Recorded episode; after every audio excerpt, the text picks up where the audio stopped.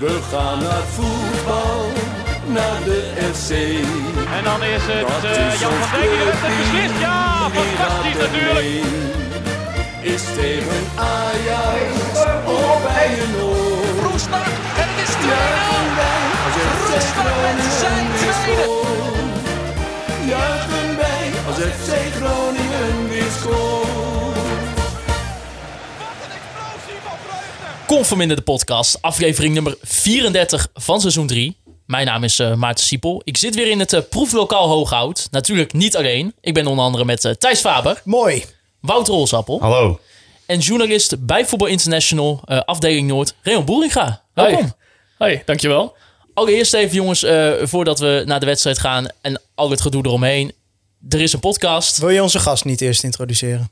Nou, ik wou eerst even heel kort even voor wordt groter. Even dat we dat uit de lucht hebben gehaald. Oh, jij wil even vertellen dat wij onze objectiviteit eh, volledig te grappen hebben. Nou, Eh, jullie geheel, twee, hè? Jullie geheel. twee. Ja, Nou, zo, jij hebt de onderhandelingen gedaan. Ik heb de onderhandeling gedaan. Nee, eh, moet ik het uitleggen? Nou ja, goed. Wij hebben een eh, podcast. Die eh, maken we voor FC Groningen. In opdracht van. In de opdracht van FC Groningen. Dat is ongeveer nu drie kwart jaar geleden. Of kwamen ze bij jou thuis? Vroegen ze bij ons? Ja, de, drie kwart jaar geleden eh, ja, gaf Groningen aan... wij zouden graag een podcast beginnen. Toen hebben ze ons eigenlijk als advies... Ja. denk ik eerst een keer op eh, gesprek gevraagd. Ja, en toen eh, waren wij eigenlijk net in die tijd een bedrijf aan het opzetten... namelijk eh, KVM Media. Wie kent het niet? En ja, toen heeft de, de, ja, de commerciële kant van, van deze jongen hier ervoor gekozen om in plaats van advies maar een offerte te schrijven. Ja, en dat is, eh, dat is het geworden. Maar sowieso, we hebben, Ja. er is een heleboel gesprekken aan vooraf gegaan. En we hebben eh, voor mensen die zi- zich echt zorgen maken, want we maken er grap eh, van dat onze objectiviteit nu te grabbel is gegooid. We hebben het er hier goed over gehad met FC Groningen. En zij onderschreven gewoon precies onze zorgen. En zij zeiden van, nou, ja, voor, ons, voor hun was dat geen probleem. En ik kreeg ook echt een goed gevoel in die eh, gesprekken. Ja, daarover. klopt. En we gaan dus gewoon mensen interviewen. Daar komt het eigenlijk op neer. Dat doen we hier dus niet. Hier geven we gewoon onze ongezouten mening. Ja, precies. Dus eh, En mensen moeten het maar zo zien. eh, die onderhandelingen liepen al drie kwart jaar. Dus de podcast de afgelopen drie kwart jaar wisten wij al dat dit ging komen. ja. Nou, En ik vind ons niet eh, kritiekloos geweest. Ik vind door het raar dat jij net zegt, Thijs, dat we niet over het wisselbeleid van Danny Buis mogen hebben. Hier worden geen bedrijfsgeheimen gedeeld. helemaal eh, trouwens een prima wedstrijd gespeeld vanmiddag. zou ik even zeggen. maar om ook even eh, duidelijk te maken. We, zeggen- we vertellen het nu. We gaan Ja. niet wekelijks hier in onze Nee, podcast daar maar het is ook niet van. Conforminder, deze Nee, podcast. nee. het is van KVM Media. Ja, maar, gaat En ik zit er ook niet in, bijvoorbeeld in die podcast. maar luister wel even. Wordt groter. Het. Ja, wordt groter. Staat in de show notes. Geweldige podcast. Voor één keer dan, voor één keer. Nee, Rayon, eh, jij bent journalist bij eh, Voetbal International. eh, volgt de Noordelijkse clubs. Als zo'n wedstrijd FC Groningen en Heerenveen is, is dat dan voor jou ook nog extra leuk? Eh, ja, omdat eigenlijk alle hoofdpersonen, ja, of het nou gaat van de technisch directeur tot aan de trainers en de spelers, je hebt met iedereen heb je wel iets. Eh, je hebt een keer met ze gesproken, je zit wel eens met ze op een, op een bak koffie. Dus je kent een beetje de, ja, de achtergrondverhalen waar ze mee bezig zijn, eh, welke processen er in gang zijn, wat er niet goed gaat, wat er wel goed gaat. Dus dat is nog heel erg leuk om ja, twee clubs tegen elkaar, over elkaar te zien waar je net wat meer van weet dan ja, wanneer FC Groningen tegen VVV speelt of Heerenveen tegen Ajax, waar je met de tegenstander wat minder hebt. Dus ik vind dat altijd heel erg leuk, ja. En het scheelt je 90 minuten. Wat zeg je? Nou, anders had je de wedstrijd van Groningen en de wedstrijd van Heerenveen moeten kijken. Nou hebben ze Ja, meteen klopt. al de twee gehad. Ja, meestal is het ook wel wat, wat intensiever na afloop. Omdat je ja, eh, van twee kanten moet je wat, Ja. eh, wat reacties verzamelen. En van twee kanten moet je nadenken. Moeten we hier iets mee doen? Moeten we daar iets mee doen? Waar dat normaal gesproken vanaf één kant maar is. Eh, dus het scheelt in die zin wel. Maar ik hoef ook niet altijd alles te kijken elk weekend. Dat, eh, dat is gelukkig ook wel zo. Maar het is, eh, ik vind het altijd heel erg leuk, ja. ja, ja, ja. Ja, mooi. Ja, FC Groningen verloor met eh, 2-0 thuis eh, van Heerenveen. Doelpunt van Henk Veerman vanuit de penalty en eh Tibor Halilovic, die niet bij FC Barcelona Nee, die heeft gespeeld. niet bij FC Barcelona. In, eh, in, ooit, in de vorige keer wat... wat, wat- ja, Ja, we hebben een keer op Heerenveen een voorbeschouwing gedaan... waar we erachter kwamen dat wij helemaal niks over Heerenveen wisten. hè? Nee, dat klopt. En toen ging het op een gegeven moment over die Tibor Halilovic. En toen zei Maarten, oh, die heeft toch bij Barcelona gespeeld? Ja, dat is en dus bleek Al- toen die Halilovic, die nu bij Birmingham of zo speelt. Zijn wel familie trouwens hoor. Ja? Ze zijn neven van elkaar. Ah, kut, sorry. Toen hebben we gezegd, die Volgens mij zeiden we dat ook nog eens tussen neus en lippen door. Toen zei ook Oh. één van ons van nee, nee, nee, dat is niet zo. Die zijn geen familie van elkaar, maar eh, nou, nee. Ik dus. dacht de naam Halilovic is een soort van Jansen in Kroatië of zo. Iedereen heet Halilovic, maar niet dus. Het is wel familie. Ja, ze zijn, eh, ze zijn neven van elkaar. Klopt, ja. Ja, ja, ja, heel goed gezegd, Maarten. Ja, ja, uitstekend. Maar is het ook zo tot stand gekomen dat ze denken... nou, die andere Halilovic, Allen heet die volgens mij... Ja. die is niet meer haalbaar, we halen Tibor. Nee. Zelfde zaak waarnemen. Nee, nee, volgens mij niet. Volgens mij was het gewoon van ja, eh, die kwam ergens ze op, op een scoutingsrapport naar boven van eh, bij de datascouting. En dachten hartstikke leuk, dat is een goede Bij de speler. computerbollenboos uit Heerenveen. Ja, bij de, Inderdaad. de Westbeuving van Heerenveen. ja, ja, ja, ja, Nou ja, die scoorde dus. Hè? We hebben het alweer te lang over Heerenveen, merk ik. Nou ja, ik, ik was wel benieuwd. Wij zijn dus blijkbaar, eh, net zoals de vorige keer toen, waren we heel slecht ingelezen over SC Heerenveen. Eh, jij vond dat natuurlijk eh, veel beter, Leon. Van, voor deze wedstrijd, hoe stond SC Heerenveen er eigenlijk een beetje voor? Eh, ja, niet zo heel goed eigenlijk. Eh, Echt een hele labiele ploeg die de ene week eh, best, wel, ja, best wel een 7 kan scoren, maar daarna ook drie weken op rij een 3 of een 4. dus ja, ik, ik, ik ging naar Groningen ja, met de verwachting dat FC Groningen ja, de baas zou zijn. En ook met de verwachting dat FC Groningen ja, toch wel een grote kans op een resultaat zou, zou behalen als, alles, als ze alles goed zouden doen. Dus ja, dat SC Heerenveen hier een 0-2 heeft neergezet, dat, dat heeft mij in die zin ook wel verrast. Omdat ja, het liep bij Heerenveen de afgelopen weken gewoon niet zo heel erg lekker. Nee, nee, en dan ga je dus na dat Hitachi Capital Mobility Stadion toe met dat gevoel. En dan zie je vervolgens dit. Ja, laten we eerst met, naar die eerste helft gaan. Eh, Nou, de eerste dat half was uur- nog wel, denk ik, hè? Ja. Dat was, ja, eigenlijk best het, moment. was het dan dat gevoel dat je dacht van Groningen gaat die winnen? Dat leefde denk ik het eerste half uur leefde dat denk ik nog wel. Ja, klopt. En vooral omdat er bij FC Groningen zo ontzettend veel energie in die ploeg zit. En zoveel dynamiek en zoveel loopvermogen. En als je bij FC Heerenveen kijkt, dan, ja, dan maken ze zichzelf ook heel erg zorgen over. Ja, met Schöne en met Siem de Jong en met Henk Veerman. Ja, het is een beetje een soort van zaalvoetbalas. Het is allemaal jongens de, die... de rollatorfabriek in Heerenveen draait overuren. ja, maar het zijn Eh, allemaal jongens die geweldig kunnen voetballen. En Ja. die, iedereen wel in je ploeg zou willen hebben. Maar het liefst er maar eentje ervan. En dat brengt Ja. ze gewoon keer op keer op. En ik dacht, ja, als die gewoon tegen FC Groningen gaan voetballen. Dat ja, gewoon eh, goed draait. En dat ja, gewoon eh, de, tactische, de tactische plannen goed uitvoert. Dan kan het bij rust wel eens 0-0 zijn. En na een uur ook 0-0. Maar zoals FC Groningen dat heel vaak doet. Dat het dan uiteindelijk 1-0, 2-0 is. Omdat je gewoon zoveel inhoud hebt. Zoveel beweging hebt. En ja, dat SC Heerenveen dat op een gegeven moment niet meer kan belopen. Maar het, eh, het, het omgekeerde gebeurt. Ja, dat vond ik wel echt vrij, bijzonder, ja. Nou, die tweede helft was natuurlijk wanstaltig slecht. Ja, Eh, ik vond die eerste helft.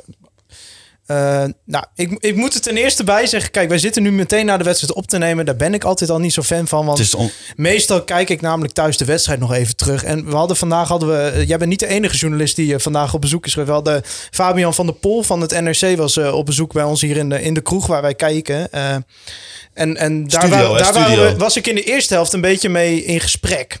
Ja, want die kroeg is niet open voor de duidelijkheid. mocht iemand van het RIVM luisteren. Eh, maar die eerste helft was, eh, toen was hij net binnen. Toen waren we een beetje in gesprek. En daardoor heb ik niet zo heel veel echt lange stukken gezien. Maar ik denk de stukken die ik wel heb gezien, dat, dat het... Ja, het, op zich was Groningen denk ik best wel dominant. Maar Heerenveen had ook grote kansen. Ja, Nou, de eerste helft zou ik om willen omschrijven als dat Groningen de betere partij was. Ja. Maar dat Pat de man van de wedstrijd was. Ja, nou, die pakt een paar goede ballen. Maar Groningen heeft ook gewoon zijn kansen gehad Ja. in, in die periode. Dat is Zo'n voorzet. Kijk, ik, ik heb daar vaak over. Als je de aanvalsbezetting ziet. Eh, op het moment dat een Mo een keer doorkomt, ja, dan zak je soms echt de broek vanaf. ja, ja, maar dan is Mo eindelijk door. eh, en dat lukt hem de laatste tijd best wel vaak vanaf rechts. Ja, en dan staat er. De, de, de verdeling voor het doel is dan heel slecht. Kijk, Strand Lars is heel slim in, het, in zijn loopvermogen.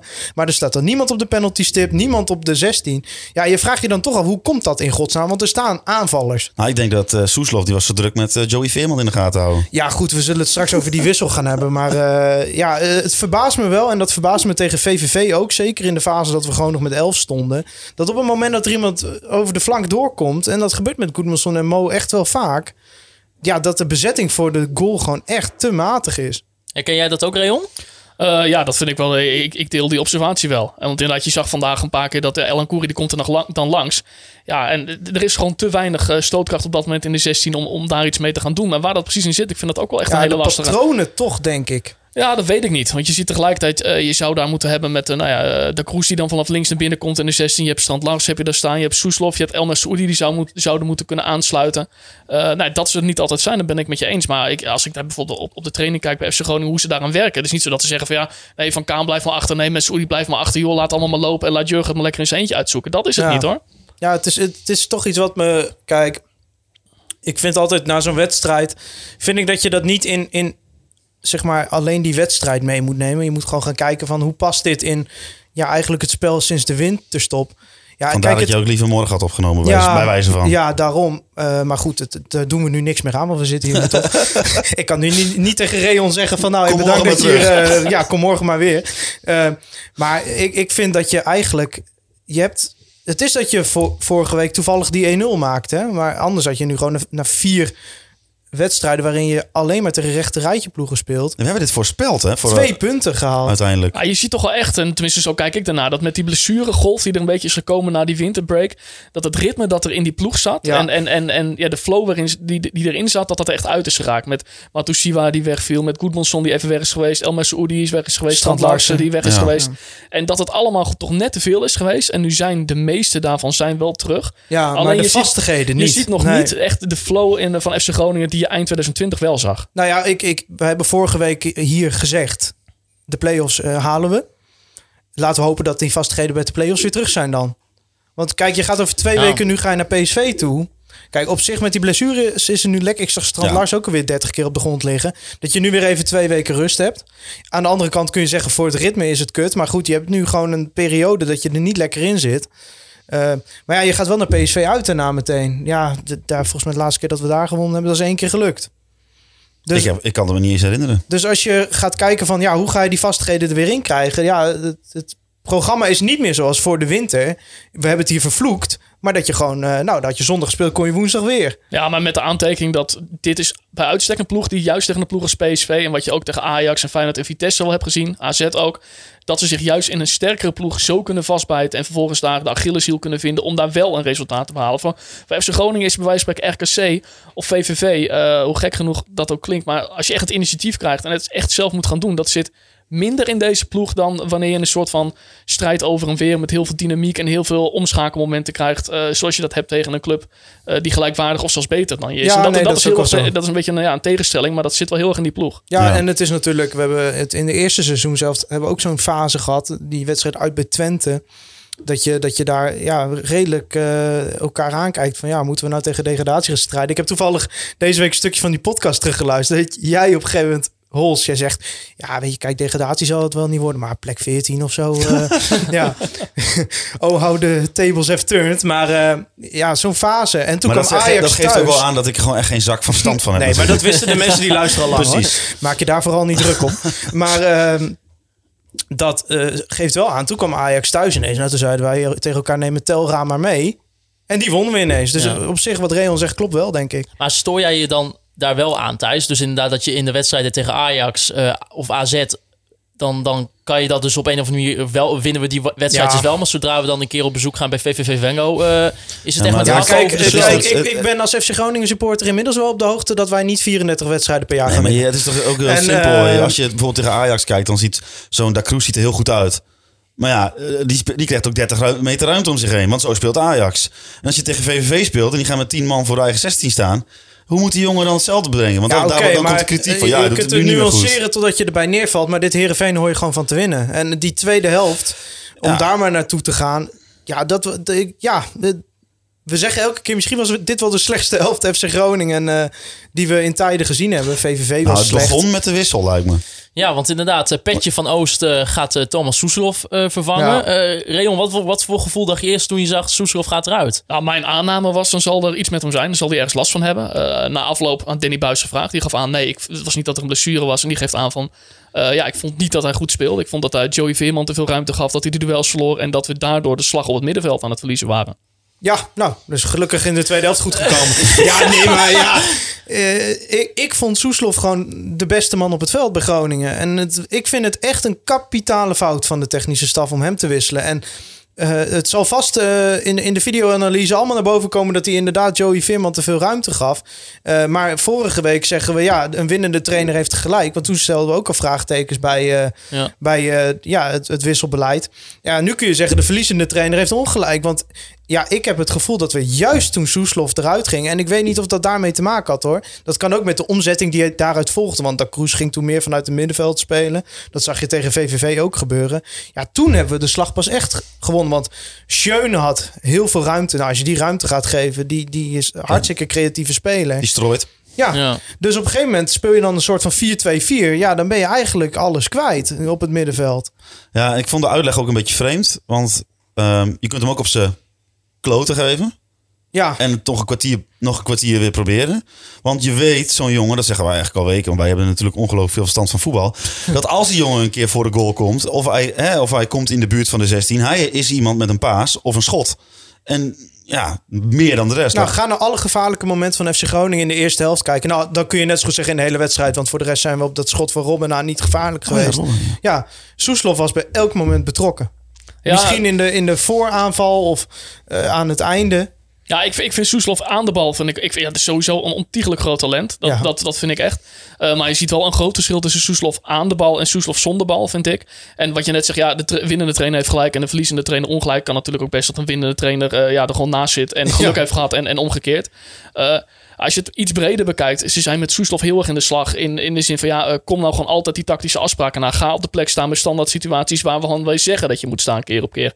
En het is wel echt een heel eigenwijs mannetje. Ja. En, en, en een, een mannetje ja, die nog wel eens een keer denkt van... nou ja, weet je, dat doet iemand anders wel. Of ik doe het gewoon net even, net even anders. En eh, die wedstrijd vorige week tegen VVV bijvoorbeeld... ja, daar was hij iemand... eh, FC Groningen heeft natuurlijk 70 minuten in de touwen gehangen zo'n beetje... om te proberen daar iets over de streep te trekken. En hij is dan toch wel iemand die af en toe... toch net even in de duels niet goed komt... omdat hij net even niet goed staat. En ik denk dat het voor Danny Buis vandaag... ik vond die wissel vond ik ook niet terecht trouwens hoor... laat dat duidelijk zijn. Want juist doordat je daar Joost erbij zet... waardoor je eigenlijk ja, vier pure aanvallers hebt... en nog maar twee middenvelders over... Ja. raakte het, vond ik, ook uit balans.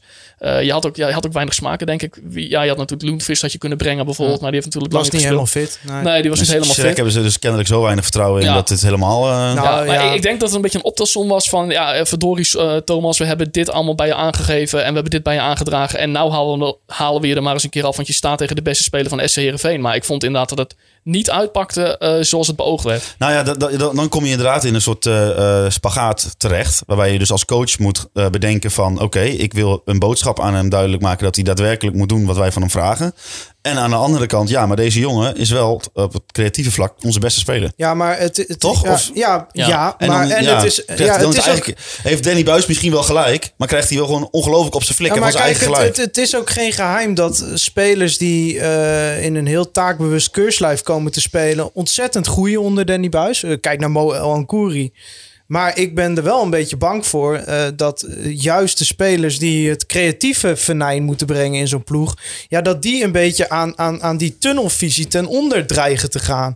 Want het laatste wat je moet willen is dat Soeslof nu kapot wordt gemaakt omdat hij in dat takenkeurslijf moet gaan passen. Ja, ik ben echt in de overtuiging dat je sommige spelers gewoon de ruimte moet Ja, geven om ook vrij Ja. te spelen. en je kunt zeggen, eens. misschien moet je dat een 18-jarige niet in zijn schoenen leggen. Maar die jongen laat al sinds, sinds de eh, winterstop zien dat hij creatief gezien onze beste Ik speler ben het er wel is. mee eens, Thijs. Maar er is ook zoiets als profvoetbal.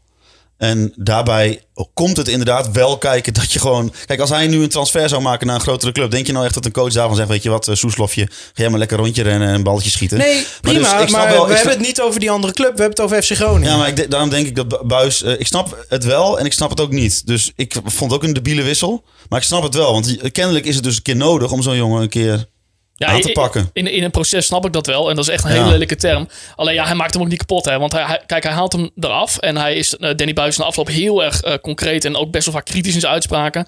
Maar daarbij wel gelijk de nuance van ja, hij is 18. Dit hoort er een keer bij. Dit is Ja. in ja, de ontwikkeling van ja, jongen, wakker worden. Het is niet alleen maar aan de bal en, en, en paasjes geven. Maar ook gewoon zonder bal eh, gas bijgeven. Dus ja, eh, kapot maken, dat vind, ik, dat vind ik iets te harde Ja, term. maar kijk, dan focussen we heel erg op Soeslof. Maar als we naar de wedstrijd kijken, heeft het Groningen geen... eh, ja, het heeft weinig opgeleverd.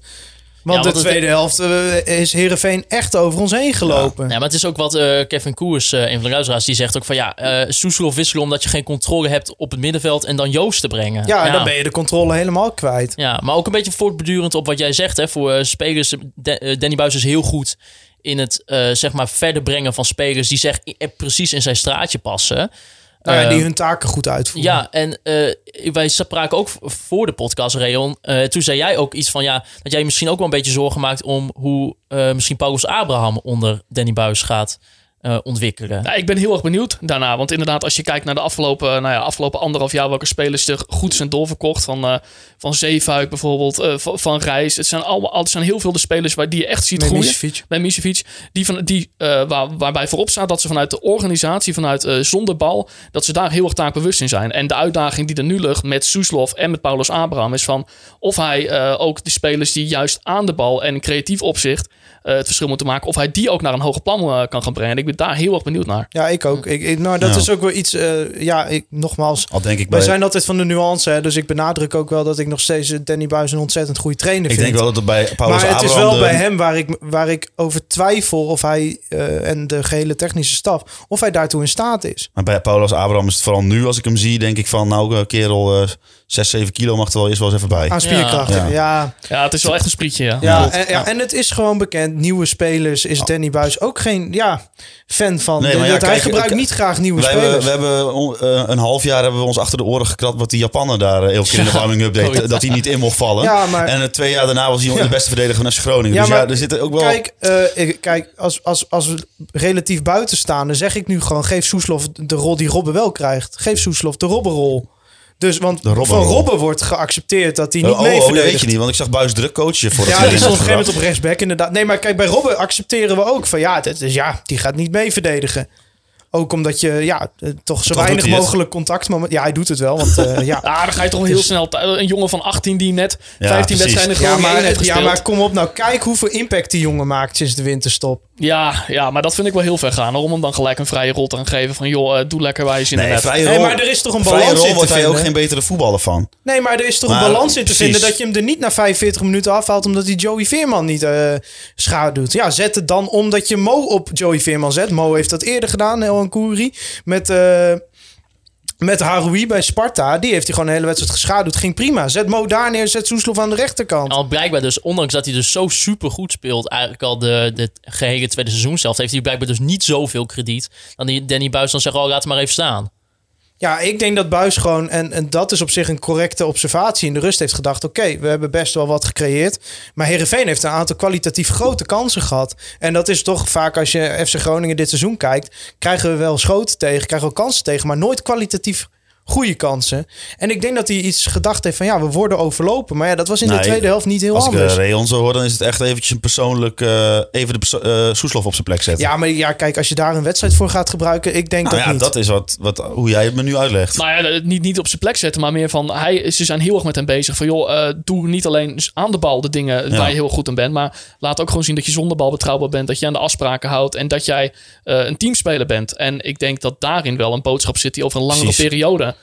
eh, Ja. zit. Van ja, eh, jongen, ja, we vinden je een geweldig talent. En je krijgt hier een podium om heel snel eh, heel veel minuten te gaan maken. Maar er hoort wel bij dat je een bepaalde verantwoordelijkheid draagt. En dat ze vinden dat hij die, en ook van vandaag. En volgens mij ook gewoon tegen VVV, dat ze daarvan dachten van ja jongen, kom op, zet even een tandje bij. We staan met tien. Ja, dat ze daar gewoon ontevreden over zijn. Ja, Ja. en los van Soeslof past het ook wel gewoon in een observatie die wij ook wel eens maken. Dat als Matosiwa er niet is, ze, Ja. de- ze heel veel moeite hebben om een gebalanceerd middenveld in te richten. Want er zijn een hele hoop varianten geprobeerd. Ook een beetje afhankelijk van de blessures op dat moment. Zou het die belangrijk met, zijn, die Matosiwa? het is met Loentvist en Van Kaam geprobeerd. Het is met Messaoudi en Van Kaam. Het is met eh, de Co die Nee, vaak maar- inschoof geprobeerd. Het, Het is, is, met Schrek geprobeerd. Matosiwa is een anker, zeg maar. De- de- dat is- daar hangt je hele team aan op, aan, zeg maar, qua organisatie. Ja, dus eigenlijk is deze nederlaag de schuld van Bas Nijhuis. Nou, kunnen we daar, kunnen we daar gewoon een streep onder Streep zetten. eronder, ja. Nou ja, Daniel van Kaam die verving eh Azu Matasiwa dus. Eh, of ja, Joel van Ja. Kaam, ik me net welke fotootjes bij Oh, ESPN ja. eh Ja, ESPN zien. eh, ja, had nog even... Ah, dat ja. is En die zien nu jongen zoeken op dat veld, hè? Ja, Simeon niet. Waar is die gast nou? die speelt helemaal niet. Nee. nou ja, in ieder geval. Maar die krijgen, voor de wedstrijd krijgen ze ook dat ding, krijgen ze uitgeprint. En dan zien ze dat hoofd. En dan zit de Siem de Jong zitten kijken. Oh, die moet ik dus hebben. Ja, maar met Bas Kammerga op de communicatieafdeling bij FC Groningen was dit niet gebeurd. Nee, nee, nee. Nee, zeker niet. Nee, dat is een vriendje van Hans, hè? Ja, Maar voor de wedstrijd eh, gaf Danny Buis aan, aan Daniel van Kaam eigenlijk van... het niveau mag, ja, of moet eigenlijk wel omhoog. Ehm, ja, Reon, wij hebben ook wel eens in deze podcast gezegd over Daniel van Kaam. Weet je, vorig seizoen viel die eigenlijk heel erg op. En, dit seizoen misschien wat minder. En wij hebben dan altijd een beetje de discussie ja, van... eh, komt dat omdat ze eigenlijk misschien zijn ontwikkeling een beetje aan het stagneren is? Of speelt hij wel gewoon oké, maar zijn er te veel misschien jongens in de buurt... die gewoon wat meer opvallen en dat hij... Ja, dat dat eigenlijk het geval is. Nou, ik vind dat hij heel erg duidelijk Matusiwa mist de afgelopen, Ja. de afgelopen weken. Want als Matusiwa, wat jullie zeggen, een anker is, dan kan hij net iets meer die rol pakken aan de bal. Om net iets meer even risico te nemen. En als Matusiwa er niet is, dan wordt automatisch van hem ge- gevraagd dat hij een soort Matusiwa is, eh, wordt. En dat is hij natuurlijk niet, want hij is natuurlijk gewoon altijd opgeleid als aanvallend ingestelde middenvelder. Waardoor hij, ja, weet je, ja, dingen moet gaan doen waar hij niet goed in is. Wat de dingen van hem gevraagd worden, die hij heel erg eh, hard zijn best in doet.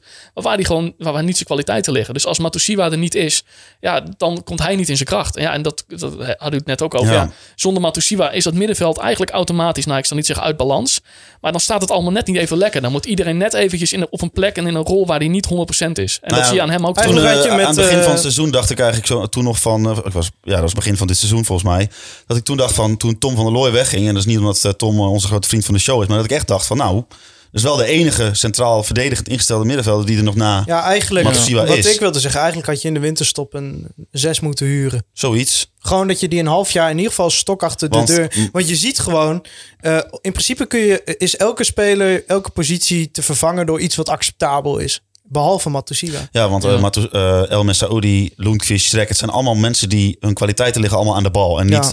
wat Matosiwa dus heeft. En, Ja. die, en die heeft ook nog kwaliteiten aan de bal die beter zijn dan Ja, al die En, het lastige voor, voor Daniel van Kamer is denk ik ook nog dat... Nou ja, we hadden het net over, over nou ja, de, de, de tactische discipline die bij FC Groningen... waar de norm eh, behoorlijk hoog ligt. Waar je echt gewoon aan, aan, ja, aan, aan die teamdiscipline moet denken. En dat enerzijds nu Danny Buis aangeeft... van, ja, ik verwacht van jou iets meer... Nou ja, de Joey, Joey Veerman-rol is iets te kort door de bocht... maar dat jij aanvallend gewoon meer bijdrage gaat leveren. Dat je meer eh, gewoon ja, je stempel gaat drukken op als aanvallende spel. Helemaal als zo'n jongen dan ja, zonder Matusiwa daar staat... en dan aan de ene kant eh, defensief zijn handen vol heeft... om dat, eh, dat goed te doen. En dat ook nog gevraagd wordt van ja... en ondertussen zou een assistje hier en daar ook wel lekker zijn. Ja, er wordt, er wordt ook wel veel gevraagd. En Ja, dat- want het is ook wel zo dat als je terugkijkt naar eh, eh, de jaren Buis, dan heeft Buis altijd daar jongens gehad die daar gekwalificeerd voor waren. Namelijk Ja. Reis. Memisevic. Altijd dat soort gasten die daar stonden. En nu staat eigenlijk Daniel, die moet in zijn eentje doen wat Memisevic en Reis met z'n tweeën deden bij wijze van. ja, want nog steeds, ja, El Messaoudi is het ook niet. Terwijl die fysiek gezien misschien dat ook wel zou kunnen. Nou ja, die zie je toch vooral eh, daar opduiken eh, achter uh, Strand Larsen. Ja. Maar toch, Thijs, wat zegt dat dan over Daniel van Kamer... als hij dan toch iemand als Azor nodig heeft om te kunnen excelleren? Nou, dat hij niet in zijn eentje een complete as kan runnen. Nee. Nee, het is geen, eh, zeg maar, eh, als je op het wereldtoneel gaat kijken, een N'Golo Kanté, Modric in zijn beste jaren, die kon in een eentje een, midden, een as runnen. En zet er dan maar eh, een, een, een speler naast, die misschien dan wel dat creatief heeft.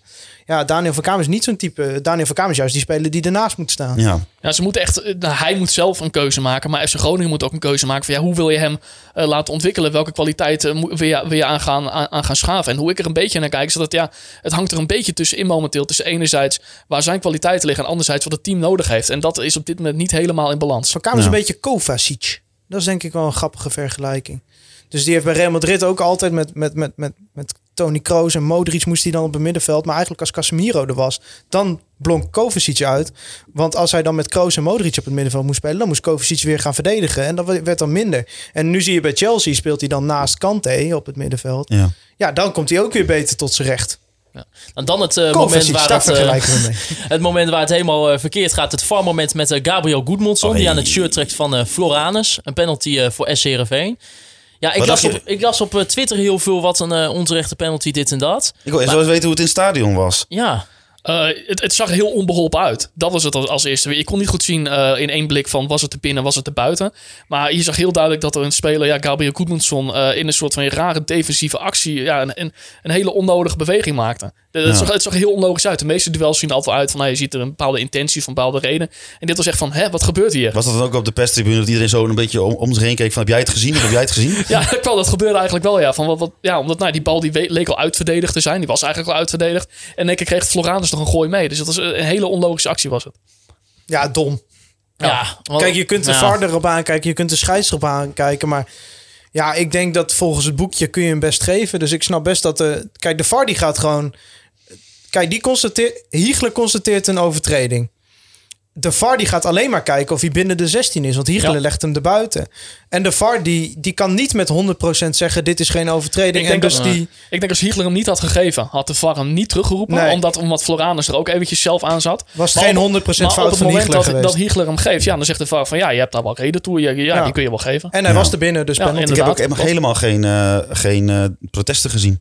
Nee. Nee, nee, niet noemenswaardig. Nee, ik denk dat Goedmanson meteen wel door had dat het... eh, ja, maar dit is zo dom, want op deze plek... En, Ja, ja. Echt zo'n zo'n overtreding van een aanvaller eigenlijk, Ja. hè? Wat hij ook is. Ja, eh, sowieso. Het had was best wel weer een paar leuke acties en een is, paar ik- goede voorzetten. Maar wanneer ook weer hebben drie ballen de tribune in. Wanneer hebben jullie eigenlijk voor het laatst een penalty gezien die ontstaat eigenlijk uit een aanvallende situatie? Want dat was het.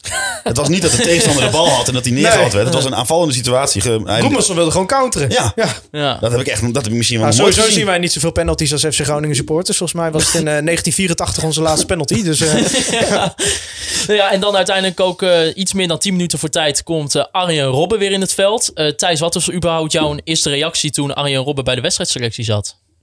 ja, het is heel moeilijk eh, om dat onder woorden te brengen. Omdat het een, een soort van systemen in je lichaam zijn die, die je niet kunt verklaren.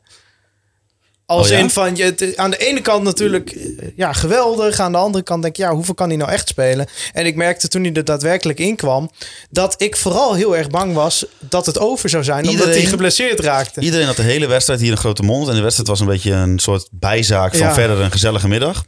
En toen Arjen Robben erin kwam, toen viel het een beetje Een stil. beetje ongemakkelijk. er hing een beetje een ongemakkelijke sfeer. En ja, Ja, het is heel vervelend dat mijn hoofd zo cynisch werkt. Maar ik ben gewoon heel bang. Dat, dat- hij dan eh, dat hij elk moment weer naar zijn, naar zijn hamstring kan grijpen. En het is heel vervelend. En dat heeft er denk ik mee te maken dat je het zo graag wil. En dat het gewoon totaal surreële waanzin is. die Arjen Robben, hè, die kan er helemaal niks van. Die is goed nog. je dat- ziet het in gewoon elke balaanraking van die gast. Dat die, die Ik heb het is gevoel alsof we dit nu ongelooflijk eh, weer doen. Een, een drie kwart jaar nadat we Ja. dit voor het eerst hebben Maar gedaan. die is zo ongelooflijk goed. is die. De tempo gaat gewoon drie slagen omhoog als hij zich met de Maar aanval je ziet bemoeit. gewoon eh, die paasjes, alles gaat goed, alles gaat snel. Het, is, inhouden en doorversnellen. ja, het is, het is, het is, eh, ja.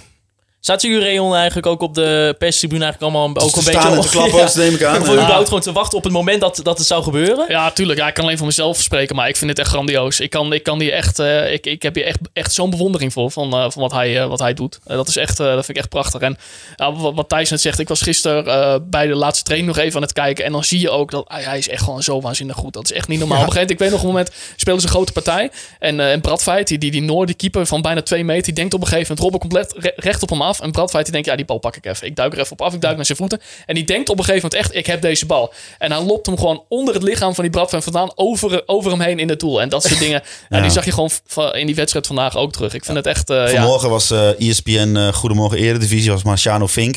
En die zei iets van, ja, als hij op 80% eh, speelt, dan is hij, kan die ook nog wel mee. En toen dacht ik echt van, gast, Als die op 80% ga gewoon- speelt, is de allerbeste speler Ga in de gewoon, ja, ga gewoon even één training kijken en kom dan even terug op dit soort woorden. Want dit, het is echt niet normaal.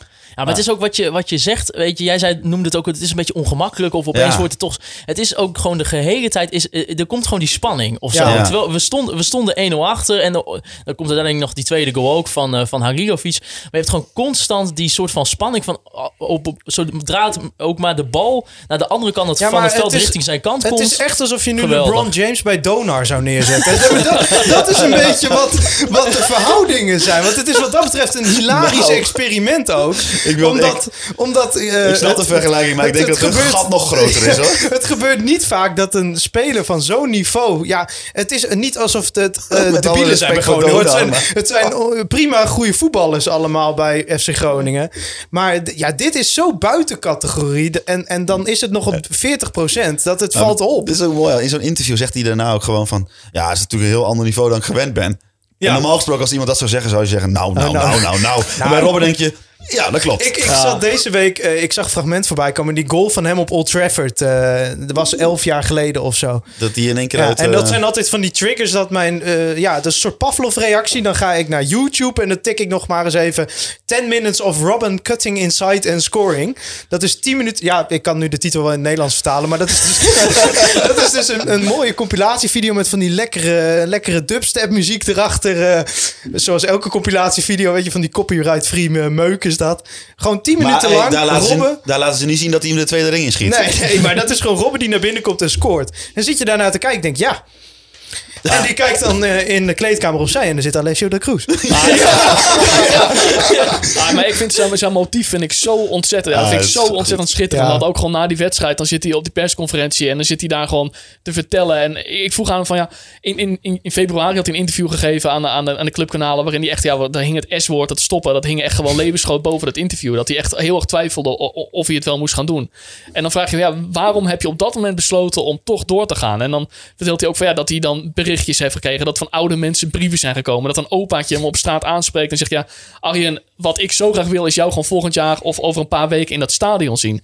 En dat iemand daar, eh, dat, dat, dat, dat gevoel eh, de doorslaggevend is in ja, de, doorzettingsvermogen. Ja, en het is natuurlijk bezit- gewoon Ik vind het echt schitterend. Ja. Een volslagen idioot in Ja, de positieve zin van het woord. Ja. Ja. Maar er, is, er, zijn, er zijn weinig mensen van zijn statuur die eh, voor hun lol op dinsdagmiddag in de regen met de trainer van de onder 21 eh, passeeracties gaan doen. Maar weinig, niemand. Niemand. En helemaal, helemaal niet als je al een jaar gestopt bent geweest. Ja, dit is toch, ja, maar eh, ja, ik vind het echt, eh, dit soort dingen vind ik echt van standbeeldwaardige proporties. Wat, ik ook, wat ik ook vond, weet je wel, de- een paar minuten ervoor, dan zie je, zeg maar, dan gaat de camera van, van ESPN, die gaat dan kijken, zeg maar, hoe Arjen Robben naast Danny Buis staat. En dan zit Danny Buis nog Arjen Robben dingen te vertellen, wat hij waarschijnlijk tactisch Ja. moet doen. Dan denk ik, wat, ik, ik ben echt benieuwd wat Danny Ja, Buis aan tegen die man het mooie zegt. is, Danny Buis noemt hem ook gewoon steeds die jongen. Ja, Ja, die jongen. Ja, dat is echt- aan de ene kant denk ik van ja, dit, dit is niet helemaal gepast. Aan de andere kant, het is gewoon precies Ja. Danny Buis. Ja. Weet je, die zegt dat gewoon, ja, die jongen. Ja, dat is echt, eh, ja, Ja, het is ook gewoon raar om hem ertussen in, eh, zien lopen in zo'n eh, in zo'n team. Dit Het is, is- dit, ja. dit is natuurlijk het begin hè, van iets moois. Want hij gaat vanaf nu gaat hij alleen maar meer spelen en topfit raken. Maar in het interview achteraf zei hij eh, tegen, ik weet niet tegen wie, maar volgens mij tegen Stefan of tegen Stefan Bleken. Stefan Bleken van Noord. Van, eh, nou, ik weet niet of mijn, eh, mijn vrouw er blij mee zal zijn als ik nog een jaar door zou gaan. Een beetje zo voor de grap. Ja, ja. Dus ik dacht van misschien is het handig dat wij hier in ieder geval vanaf hier een oproep doen aan eh Bernardine. Ja, van, Bernardine. Mag het alsjeblieft nog een jaar? Anders moet Mark-Jan nog even een keer zijn best gaan doen eh, Ja, dus- bij Bernardine. Eh, ja, met een PowerPoint, hè? Ja, een goede PowerPoint. Waarom? Ja. Nou, een bloemetje van KVM Media is in, voor Ja, is in, in, in, eh, ieder misschien dat geval van een zijn bepaalde wijnsoort houden. Ja, wij, zijn wij, tot eh, alles wat met omkoping te maken heeft bereid. Nou, wij hebben het altijd over die PowerPoint. Maar eh, Redon, jij vertelde ook voor deze podcast dat jij ooit een PowerPoint van Mark-Jan van Deres hebt gezien. Ja, dat was echt een hele indrukwekkende. Ja, ja, maar nee, het was wel een PowerPoint, geen prezi. Ehm, zo, nou, dus zet je even voor het blok. Nou, voor mij- prezi, dat ziet eruit alsof het bij de Aldi is gemaakt. Nee, eh, dat was, een- was een PowerPoint. Het was een paar weken geleden. We hebben binnenkort hebben we bij Voetbal International een special over de toekomst van het voetbal. En ja, FC Groningen, eh, een club die eh, ja, heel vooruitstrevend, heel modern eh, op technisch gebied eh, richting de toekomst gaat. Eh eh nou, Mark-Jan Vladeris vond het heel leuk om eraan mee te werken. Dus eigenlijk een hele presentatie gewoon van, van, van een uur lang eh, gewoon uitgelegd ja, wat in alle facetten van, van de jeugd tot aan het eerste elftal en, en de spelprincipes, de aankopen, wat daar de gedachte achter is. Eh, dus ja, ik vond het heel leuk om te zien. ja, wij kennen hem vooral als DJ natuurlijk, dus eh, van dat filmpje. Ja. Maar, die, eh, die man kan bijna Maar alles. dat, jij zou wel, als jij voetballer was geweest, dan had je wel zoiets gehad van, nou, eh, die club wil je wel bij horen, zeg maar. Maar ik vind dat er echt een hele duidelijke visie en een heel duidelijk idee zit achter elke beslissing die genomen wordt. En ik denk, als, eh, ik denk dat dat een hele goede zaak is. En als, je, als ik dat vergelijk met andere clubs waar ik kom of waar ik geweest ben, dat is echt, echt niet, al, dat is niet voor de hand liggend. Je zou zeggen, een technisch directeur van een voetbalclub of een eredivisieclub, die heeft altijd een lange termijn visie. Die heeft altijd bepaalde waarden waar ze dingen aan ophangen en waar ze beslissingen aan relateren. Nou, dat is gewoon niet zo. Dus als je dat hebt en eh, je kunt dat op een bepaalde manier wegzetten en bepaalde dingen op een bepaalde manier argumenteren, dan ben je gewoon goed bezig. En je maakt er mooie PowerPoint bij. Nou, eh, en dan ben je klaar. ja, ja, ja. Ja, want eh, je vindt het dan vooruitstreven. Wat zijn normaal gesproken dingen die je nou bij andere clubs zag? Ja, gewoon heel veel ad hoc natuurlijk. Dat is echt van, ja, dan, dan wordt, er, er wordt er een keer in juli, eh, aan het begin van de voorbereiding, wordt er gezegd van, ja joh, we gaan het dit jaar allemaal anders doen. En eh, ja, dan, dan verliezen ze de eerste drie wedstrijden en dan, dan val je gewoon weer in het, oude, in het oude, oude riedeltje. En dat moet je gewoon niet doen. Ik wil, Passie, inzet, strijd, beleving. ja, eh, nou ja, wat, wat, wat ik- van plezier. grinta, winnaarsmentaliteit. en wat ze gewoon goed hebben gedaan en wat, wat ik sterk vind dat je aan vasthoudt. Ja, je kunt zeggen van, ja, we willen presteren, dus je haalt eh, 20 eredivisiewaardige spelers. Nou, wat, wat ze hebben gedaan, nee, we hebben er 16. En de rest vullen we aan met de getalenteerde lichting. En natuurlijk, dat moet wel passen op dat moment, want die is talente- getalenteerd. Ja, ze hebben vrij veel mazzel met deze. Ja, nee, dat klopt. Maar de keuzes die je daarin maakt. Want we hadden het net over. Ja, hadden ze in de winter een 6 moeten huren? Ja, dat doen ze dan weer niet. Ja, om misschien ja, toch nog te kijken of Schrek dat aan gaat pakken Ja. of niet. Ja, dat pakt een keer, het pakt een keer slecht uit. En de andere keer pakt het goed uit. Omdat bij wijze van spreken. Op, eh, als, als Dankelui een keer niet zo spelen. Dat, dat, dat is Joel van Kaan weer eens een keer. Nou, hij is een slecht voorbeeld trouwens. Die is helemaal. eh Dankelui is ook uit beeld. Maar het pakt een keer goed uit in, het, in, in bepaalde gevallen. Ja, en bij Matosiwa is het minder goed uitgepakt. Maar je moet, als je, dat je visie is, kansen geven aan de jeugd. En, en een route bieden naar doorstroming. Dan moet je daar ook naar handelen. En ik vind dat ze dat goed doen. Ervaring en talent genoemd toen? Een mix van ervaring en talent? Ja, zeker. Ja. de KPI's. Jongens. Wordt groter. Goede inspiratie. Het kan allemaal. Ja. Hey Hols, eh, jij zei ook nog eh, na de wedstrijd... Co-interviews niet meer doen. Ja, dat vond ik echt dat gênant. kan niet meer. hè? En daar kan die jongen helemaal Dat niks aan doen. nee, Nou, nee. tenminste, ja Nou, goed, hij zou Engelse les... eh, ik heb die documentaire, ik- heb die documentaire gezien, hè? Die Ja. jongen, we zeggen ook die jongen. Ja, Die gozer, die gozer, die gast. die gast, die kwam hier in Nederland, sprak heem, die kon alleen what zeggen. What. Ja. Dat zeiden ze in de documentaire. Die kon alleen what zeggen. En als je hem dan nu ziet staan... Kijk, het, inhoudelijk is het eh, ja, niet best, maar eh, hij doet het wel. Ja, maar kijk, je moet en hij wordt er ook maar graag die de dingen camera. ik wil zeggen, ik wil de dingen loskoppelen. Want eh, dat, hoe, hij, hoe goed hij in een taal is, I don't care. Als hij met, als hij met zijn Nou, handen... ik vind het hartstikke knap wat Ja. hij in anderhalf jaar aan elkaar Maar krijgt. als jij direct na de wedstrijd als boegbeeld van de club naar de, eh, naar de grote broadcaster wordt gestuurd. en je kunt gewoon niks duidelijk maken. Ja, dan kijk- moet je toch zeggen met z'n allen: jongens, zullen we gewoon even Ja, iemand maar sturen? dat ligt ook bij ESPN. Zet hem er dan niet neer. Vraag Nee. Mike de Wier Ja, nou, dat is dus mijn kritiek. Van gezegd gewoon, zet op de Ja. Wiering en dan krijg je allemaal generieke voetbalteksten. Maar ja, die, die Ja. praat wel. Want Kees Kwakman zei ook iets van... Ja, eh, ja die jongen kan zich helemaal niet uit. eh, hopelijk, dat kan hij Henk, kan? Henk wel wat vertellen, weet je wel. Toen kwam Henk Veerman. Ja, Ja, maar daar kan. Ko niks aan doen. Maar dat is, Nee. al, dat, dat is gewoon, de, dat is gewoon eh, ik weet niet of ESPN een bepaalde richtlijn Ja, die willen de aanvoerder gewoon Ja, hebben. nee, dan moet ESPN gewoon even zeggen, doe Sergio even of Mike. of nee, die iemand. is geen aanvoerder meer, hè? nee, maar die kan toch wel even na de wedstrijd wat lullen. Ja, maar je kunt, daar gewoon, je kunt als club daar een keuze in maken. En dat is E ESPN ook. Want bij wijze van spreken, ik keek gisteren naar een FCM en daar was Araujo aanvoerder. Maar ja, Glenn Bell die staat af tot de beste wordt. Omdat Araujo tien woorden Engels spreekt. Ja, Ja. daar kun je Ja. gewoon een keuze in maken. Precies. Ja, of Ja. je zet Milan van Dongen er neer. Die kan gewoon in het Spaans zo iemand interviewen. Maar goed, hè, dat, om zag ik, dat in- zag ik, wanneer zag ik dat? We zijn, we zijn vandaag... Daar was ik echt van onder de indruk. Wat? Kan Milan van Dongen? Ja, die had een Spaanse speler bij zich staan. Volgens mij Peña, vorige Ja. week. En die staat er gewoon in het vloeiend Spaans. En jij wist niet dat hij dat kon, hè? Nee, die staat gewoon in het vloeiend Ja. Spaans Peña te interviewen. Nou, ik denk- Maar het was live, dus geen ondertiteling. Dus ik, geen idee. Misschien, misschien, misschien heeft hij gewoon zijn boodschappenlijstje in het Spaans voorgelezen. Is Als ik bij idee. ESPN zou werken, zou ik gewoon denken van... ik ga ook een taal erbij doen. Dat is wel handig. Ja. Dus ik denk dat hij dat, hij dat ook gedacht ja, heeft. maar ik denk dat het Japans van Kees Kwakman wat roestig Ja, is. ja, Dus dat die, dus, daar moet ze komen. Moet ze in het Engels Maar doen. om even in de, in de... Misschien is het wel gewoon de beslissing van Danny geweest. Van, nou, als jij geen eh, Nederlands wil leren, dan eh, zet- zetten we jou bij ESPN neer. Nou, of het kan ook van hemzelf eh, zijn gekomen, bij wijze van spreken. Ja, dat hij zegt van ja, ja. ik, ik, ik ben een leidinggevende figuur. Ik wil daar op een bepaalde manier ja, uiting aan geven. Maar ja, dan had, dan had iemand ook kunnen zeggen van ja, Ko, misschien toch nog niet zo handig. Maar in Ja, die documentaire, die gast is hartstikke grappig. Ja. Ja, maar ja, Ja. dat komt er dan op zo'n... Ja. dat zie je vaker bij voetballers, maar... Er moet toch iemand... Want kijk, het, het is nu al een keer misgegaan. Nou, mis... Het, het, het is, Het, het gaat niet mis, maar... Het ik, oogt ik, gewoon niet ik zo denk lekker. niet dat mensen dat interview zeggen en denken... Nou, Cody, je moeten we elke Nee, dat is week... geen lang voor de camera dat is geen. Nee, dus... geen, nee, dat is geen Barbara Barend Award voor, eh, voor Christian Wieland voor dat interview, nee. Maar eh, dat je dan denkt van... Nou, zullen we anders... Hè, er staan er nog 22, waaronder gewoon uh, Arjen Robben. Zullen we anders, ik zullen we anders iemand anders interviewen? Ja, maar goed. Ja. Maar ja, dit- even voor de duidelijkheid. eh, we hebben, het is niks tegen Co. Die nee, is gewoon, natuurlijk niet. Die, komt doet zijn best. Die doet, het, die doet het... Als hij twee jaar geleden nog geen woord Engels sprak, doet hij het geweldig. hartstikke goed. En het is goed voetballen. En het is goede voetbal. Ja. Wij kregen een luisteraarsvraag van eh, eh, B-Trip. En eh, nou ja, help. Ja, B-Trip, die ook als... nou, hoe- hoeveel afleveringen is het geleden dat het Ja, te gast was? Vijf of zo. vijf, zoiets in die richting. Die had een vraag naar, aan jou, eh, Reon. Jij bent geboren eh, in Drachten. Opgegroeid eh, boven Leeuwarden. Ja, en hij was toch wel benieuwd. Ja, als je moest kiezen, eh, FC Groningen, FC Emmen, SC Heerenveen... en ik zou dan misschien ook wel Cambuur... eh, waar was je eigenlijk fan van vroeger als jongetje? Sportclub Veendam. Sportclub Veendam? ja?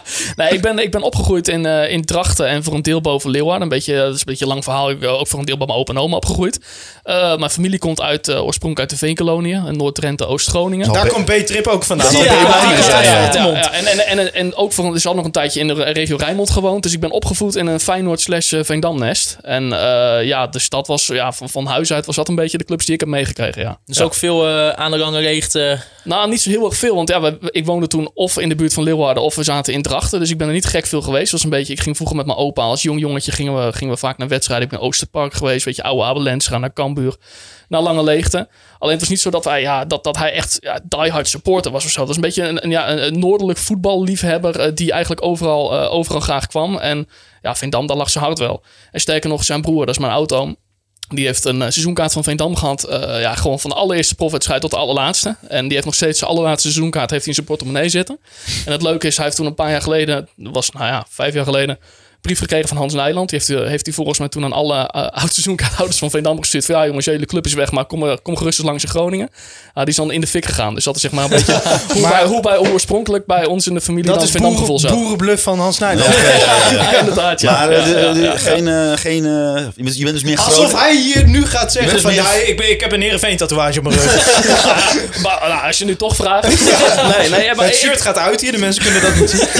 Nee, ik, ben, ik ben echt heel erg, eh, hoe zeg je dat? Ehm, Je ik bent ben, een Noorderling. Nou, zo zie ik het wel, ja. Want ik, Ja. ben, ik ben opgegroeid in Friesland. Alleen ja, weet je... Maar, Maar dat is een kutprovincie, dus... Nou, we, we hadden, we hadden thuis hadden we, hadden we het nieuwsblad van het noorden, dus wat een beetje schizofreen. Eh enerzijds, ja, weet je, bij ons in het dorp om me heen, eh, in Kornje, maar zat ten noorden van Leeuwarden, hoorde je Fries. Maar in het weekend was ik bij mijn opa en oma en dan gingen we altijd richting Nieuwbuinen, Stadskanaal, Leek en Rode. Dus het was een beetje alles en nog wat. En ja, een beetje een soort van ja, een dubbele identiteit, maar het is meer van ja... Waarom hebben ze jou in godsnaam ooit bij PSV Ja, neergezet? ik zet- bij ja. Ik ja. Dat is, Ja, je hebt de noordelijke watje gewoon, zeg maar, die, die, die kent alle regio's. Nee, nee, ik, ik, was, eh, ik ben afgelopen zomer zo terug verhuisd richting het noorden. Wij woonden toen in de buurt van, eh, van Rotterdam. En toen deed ik een tijdje, heb ik, eh, omdat ik gewoon privé, omdat ik hier heel veel familie had, heb ik toen een tijdje Heerenveen gedaan. heb ik gecombineerd met ADO Den Haag, want daar woonde ik toen vlakbij. Ja, toen waren ze hartstikke tevreden. En toen ging mijn collega, die nu weer terug is, Freek Jansen, die ging toen van VI naar het AD. Toen is de PSV-watcher naar Ajax gegaan en toen kwam PSV vrij. En toen waren ze echt hartstikke enthousiast. Dus hij zei, Rayon, wil jij PSV gaan doen? En eh, ja, toen ben ik een jaar PSV gaan doen. En eh, na een jaar ja, ontstond er een situatie waardoor ik dacht, ja, vanwege ja, wat dingen in de privésfeer, waarvoor het voor ons wenselijk was om terug te gaan naar het noorden. En ja, dat was gewoon heel erg fijn. Want toen zei VI gelijk ook van, joh, weet je wat, als jij dat graag eh, wil, als dat voor jou belangrijk is, dan pak die portefeuille en, en ga met die banaan. Dus ben ik je, heel blij heb je nu zo'n vier of drie clubs? Heb je Of- ook Cambuur? Nou, dat pak ik er nu even bij, omdat vanwege de kampioens eh, aan eh, de, ja, de kampioensprognose pak ik die bijlagen erbij. Maar in de praktijk zijn het er drie, omdat we de eerste divisie niet verdeeld hebben. Daar Volgend jaar dus wel. Jij gaat Eh, druk krijgen volgend jaar, want Emmen, nou- Emmen lijkt onderweg naar handhaving Ja. en eh Cambuur eh, kan ook niet meer fout. Nou, maar ik ben niet van plan om ze vier te gaan doen. Want, eh, want, drie, nee, want, want drie kan alleen in een coronajaar. Om de hele simpele reden dat nu zijn sommige perspraatjes... die zijn via Zoom of telefonisch. Eh, normaal ga je per één keer per twee maanden... ook al eens een keer op een buitenlandse reportage. Nou, dat is het hele jaar niet gebeurd. Waardoor je ook gewoon een tijdje niet bij je clubs komt. Dus drie zou in theorie kunnen. Vier kan gewoon echt niet. Dus nou ja, als Emmen het, als Emmen het redt... dan, dan, moeten er, dan moeten de knopen doorgehakt worden op de redactie. ja. Ja, Ja. ja, ja, ja. Heb je ook nog een voorkeur waar je het liefst komt? Eh, ik vind het leukste vind ik het werken waar je de meeste journalistieke vrijheid hebt. En dat is eh, bij Emmen dit seizoen. En dat is bij Emmen eigenlijk altijd. Daar kun je gewoon, daar hoef je je interviews niet te laten nalezen. Omdat het gewoon op vertrouwen gaat. En dat vind ik gewoon heel erg leuk. Je komt daar gewoon en mensen gaan ervan uit dat jij gewoon netjes je werk doet. Dat je integer bent en dat je fatsoenlijk bent. En ja, en dat wordt gewoon, de- ja, dat wordt gewoon terugbetaald, dat vertrouwen. Maar is Dus dat- je reputatie bij Groningen zo slecht dan? Dat ze je niet vertrouwen ermee? nou, weet ik niet. Maar ik vind het altijd wel jammer als, als, als het uitgangspunt... Nou, ik zal niet zeggen wantrouwen is. Dat vind ik te zwaar. Maar als het uitgangspunt controle is... in plaats van het uitgangspunt vertrouwen. Ja. En, en dat vind ik bij FCM vind ik dat heel erg mooi. Omdat je kunt daar gewoon met, eh, met Lukien of met, met Glenn Bijl of met Lubbers gaan zitten. Een uur. En, en, ze, en ze gaan er gewoon vanuit dat je het goed opschrijft. En ja, weet je, en als je het niet goed opschrijft... heb je de volgende keer geen interview. Heel simpel. Dus dat, en, en dat is trouwens geen enkele dis- disqualificatie richting Heerenveen of Cambuur of Groningen of wat dan ook. Want 99 van, eh, procent van de betaald voetbalclubs doet het tegenwoordig zo. Alleen ik vind het journalistiek gezien, vind ik het ja, eh, gewoon heel erg prettig en eh, heel erg fijn om in vertrouwen met mensen te kunnen werken. En ja, daarom zeg ik, puur werkinhoudelijk vind ik het heel fijn om daar te komen. Omdat je daar gewoon, ja, gewoon op een gelijkwaardige manier gewoon heel mooi, heel mooi werk kunt doen. En Niels Span die vroeg, hoe is het om als journalist van een landelijk blad naar Groningen te gaan? Hoe staat Groningen erop ten opzichte van andere clubs bij VI bijvoorbeeld? Nou, daar was ik zelf ehm, ook nou, wel heel benieuwd naar. In de zin van, ik ben dus dit, ik moet dit nu voor, eh, voor, voor het eerst dit jaar dat ik alle noordelijke clubs doe. En ik een tijdje geleden bij, eh, bij onze webredactie gewoon opgevraagd: veel, eh, kun je gewoon voor mij uitzoeken van wat eh, wordt het meest gelezen? Wat is, waar is het meeste vraag voor? Waar zitten onze abonnees het meest? Omdat het gewoon voor mij ook relevant is om te weten, ja, als er over club A gewoon veel minder gelezen wordt dan over club B, ja, dan, dan, dan moet je daar ook gewoon een keuze in gaan maken. En wat ik gewoon eigenlijk heel interessant vond om te zien was dat je hebt Ajax, PSV, Feyenoord en daarna de hele tijd niks. Maar FC Groningen staat gewoon op hetzelfde niveau als AZ. En als je kijkt naar hoe, hoe dat gelezen wordt, hoe het leeft. En dat vond ik wel echt hele interessant. Omdat ja, als jij ziet dat bepaalde verhalen, dat er een bepaalde vraag naar is. Dat het journalistieke werk blijkbaar nou ja, eh, op waarde wordt geschat. Of, of dat, het, dat er behoefte aan is. Ja, dan is het gewoon een hele belangrijke club. Hoe komt dat denk je dat Groningen zo hoog dan op die lijst staat? Nou, dat is eigenlijk best wel logisch. Omdat je kijkt, eh, bijvoorbeeld eh, grote, andere grote clubs zoals AZ en Vitesse en, en FC Utrecht. Eh, daar is heel veel dekking van andere landelijke media. Want ik bedoel, dat zit gewoon in het verspreidingsgebied van Telegraaf en eh, Algemeen, Algemeen Dagblad. Ik bedoel, je hebt Utrechtse, Utrechtse Courant of Utrechtse Dagblad. Hoe heet dat ook alweer? Rotterdamse Dagblad. Je hebt nog het Noord-Hollands Dagblad. Dus je zit echt een hele... Ja, die, die krijgen heel veel landelijke media. En je ziet toch, eh, en dat zie je trouwens bij Emmen en SC Heerenveen ook. Die liggen relatief gezien ook gewoon eh, ver boven het gemiddelde waar je ze zelf verwachten. Maar dat komt, en dat is eigenlijk heel erg gek. Als ik op vrijdag naar een persmoment ga bij FC Groningen of bij SC Heerenveen... dan ben ik vaak de enige landelijke journalist. Ja, ja dat En- kan ik me nog wel En, herinneren. en, ja. en, als ik, en als ik naar eh, een persmoment ging bij ADO Den Haag... Ja, dan was dat de Telegraaf, was het AD, dan was ESPN... of nou, Fox was er trouwens ook, want ja, Den Haag is dichtbij. Eh, dus ja, er zit een bepaalde... Ja, zal- terwijl eh, wij, wij jaartje- weten uit ervaring dat er over FC Groningen genoeg te vertellen is. Ja, maar daar, en dat maakt het ook zo'n dankbare, zo'n dankbare job om die noordelijke clubs te doen. Omdat ten eerste, ik vind het zelf heel erg leuk. Want ik zie mezelf best wel als een trotse Noorderling. En ik ben er een, ik zie mezelf zelfs een beetje als een ambassadeur. Maar daar ben ik... Ja, Mag je gewoon zeggen hoor. Mag nou, maar ik vind, dat, ik vind dat heel erg mooi om te doen. En, en, en daarom vind ik het ook leuk, omdat ik zie bij heel veel clubs zie ik gewoon bepaalde ontwikkelingen waarvan ik denk van ja, dat moet opgeschreven worden, daar moet aandacht aan besteed worden. En, eh, en helemaal als je dat kunt op een manier eh, dat je weet dat er verder toch nou, niet gek veel aandacht aan besteed Nee. wordt. Omdat heel simpelweg, ja, omdat heel veel andere media er niet zijn of niet vaak genoeg zijn, ja, dan maakt het het nog leuker omdat je de ruimte hebt om die verhalen gewoon eh, op te halen. Nou, wij hebben hier wel eens de discussie gehad toen het op een gegeven moment echt goed ging. Zeg maar, ook qua resultaten. Achter elkaar, zesde plek. Toen nog steeds trouwens, zesde, vijfde. Die plek. Dat er eigenlijk in de landelijke media ging het eigenlijk alleen maar over het geschreeuw van Danny Buis. Maar niet over eh, dat FC Groningen gewoon met eh, de negende, tiende begroting gewoon zesde staat. Ja, maar dat is ook zo. En je ziet ja, gewoon in, in, in- de landelijke media. En zonder dat je daar echt jezelf, dat je daar echt heel erg moet gaan refereren. Want het gaat natuurlijk uiteindelijk, ja, wat vind je er zelf van als, eh, als journalist of als supporter? En wat voor waarde hecht je eraan? Maar ik snap wel wat je zegt als. Eh, nou, helemaal in die eerste seizoen zelf, wat er hier toen is gebeurd, dat is echt heel erg bijzonder. En inmiddels, eh, ja, eh, iets, iets meer regressie natuurlijk. Maar dat is, echt, dat is gewoon echt heel erg knap wat er gebeurd is. En als je daar dan op NOS dan ziet inderdaad van ja, oh, daar staat Danny Buis weer te schreeuwen. Oh ja, en Arjen Robben is er ook nog steeds niet. En als het niet verder komt dan, Nou. ja, dan, die, dan die oppervlakte, dan snap ik best dat je als supporter zegt van, nou jongens, steek er even een beetje tijd in en dan kom je met een heel ander verhaal aan zetten. Dus ja, en, en, maar dat is ja, dat andere zijde van wat ik zeg. Ik zie dat zelf als journalist als een kans. Omdat er, eh, omdat er ja, heel weinig andere landelijke aandacht in is. Eh, maar ja, je zou ook wel kunnen zeggen van ja, eh, jongens, misschien zou het eens een keer goed zijn om daar eh, in het noorden. Maar ik denk dat dat bij het oosten net zo goed geldt. hoor. Want FC Twente en Heracles bijvoorbeeld, ja, dat is ook relatief onderbelicht, denk ik. Ja. Eh, om, om daar eens gewoon wat meer aandacht aan te gaan besteden. Maar ja, dat is een beetje de, de kaalslag van de journalistiek. En je vuiste dan dus weer terug naar, naar het noorden. Toen je begon weer met het, het volgen van FC Groningen, wat, wat voor beeld had je een beetje van de, van de huidige status van de club? Mm, een club in eh, transitie. Want je bent afgelopen zomer eh, begonnen.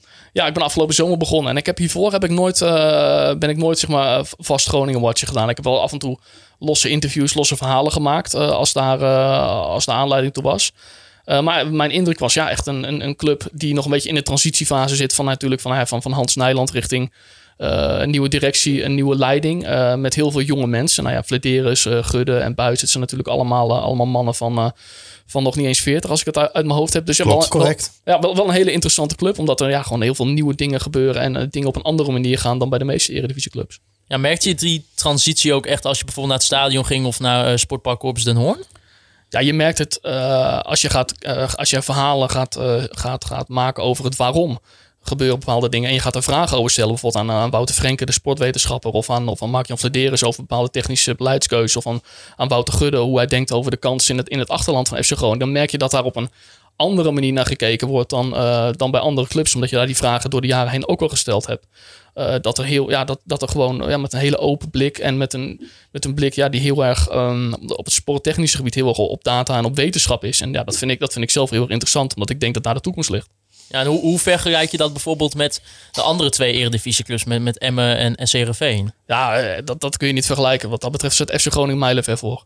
Dat, dat is echt... eh, je kunt bij FC Groningen zitten wat in mijn optiek een beetje... En dan heb ik niet over de top drie, want dan kan ik niet heel concreet in de keuken kijken. Maar als je kijkt, alles wat eronder zit... Ja, dan zit FC Groningen met AZ, zit daar echt... eh, die zijn wat dat betreft heel erg ja, vernieuwend en, en, en, en, en moderne weg ingeslagen. En ja, bij, bij Emmen, dat is een club die... eh, nou, ik, vind het, ik vind het een, een, een- een, heel mooie club. Alleen dat staat op een bepaalde manier nog wel heel erg in de kinderschoenen. Bijna op een bepaalde manier nog een beetje ja, semi-pro gebeuren. Hangt er nog een beetje omheen van mensen die daar part-time hele belangrijke functies doen. Van mensen die daar ja, ja, het doen omdat ze het heel erg mooi vinden. En bij SC Heerenveen, ja, dat is natuurlijk een club die ja, behoorlijk eh, nou ja, de, de laatste jaren in een neerwaartse spiraal zit. Waardoor je bepaalde ontwikkelingen en bepaalde keuzes die je misschien eigenlijk zou moeten maken. Eh, die je of niet hebt kunnen betalen of niet hebt kunnen maken. Want ja, zoals hier Corpus en Hoorn staat, dat is echt een, eh, echt een mooi complex. Heb je bij Heerenveen heb je eh, trainingscomplex Quatterwald, waar eigenlijk gewoon al twintig jaar gewoon niks meer veranderd is. Ja, maken ze zich bij Heerenveen dan ook wel zorgen om hoe, hoe het daar bestuurlijk gaat? Ja, nee, daar maken ze zich wel zorgen over natuurlijk. En niet zozeer in de relatie met, met FC Groningen. Omdat ik denk dat het achterland van beide clubs... dat is wel redelijk duidelijk afgebakend. Ja. Eh, alleen ja, dat gaat natuurlijk niet de goede kant op. Nee, want Nee, terwijl je juist bij Groningen het gevoel hebt dat na jarenlang negatieve spiraal juist nu die weg, ondanks corona, die weg naar boven een beetje weer gezocht wordt. Ja, ja dat, en, en daar heeft denk ik, we hadden het net over Arjen Robben, maar dat heeft natuurlijk ook wel in dat echt, die is een gigantisch vliegwiel geweest, denk ik, in die, in die campagnes Ja. van, van seizoenkaart en van, van enthousiasme. Als je dan eh, ten eerste als, ja, als club bepaalde, een bepaalde weg inslaat en dan ja, een, een, een wereldster als Robben die eh, zo'n enorme lokale trots ontketent, eh, ja, dat kan gewoon bijna niet beter. Maar, Nee. Heb je ook nou iets, dat, eh, nu, je volgt nu dan bijna straks een jaar FC Groningen. Is nou ook iets wat je, wat je, wat je verraste? Wat je eigenlijk dacht, oh, dit had ik van tevoren heel anders verwacht? nee, nee. Nee, dat kan ik, ja, tenminste, als ik daarover ga nadenken, kom ik misschien wel op iets. Maar niet, niet zo dat ik denk van, nou ja, dat, dat, dat, dat schiet echt, eh, dat schiet zo bij me uit. Wat Zo bij me eh, zou je zeggen dat er nog beter kan? eh?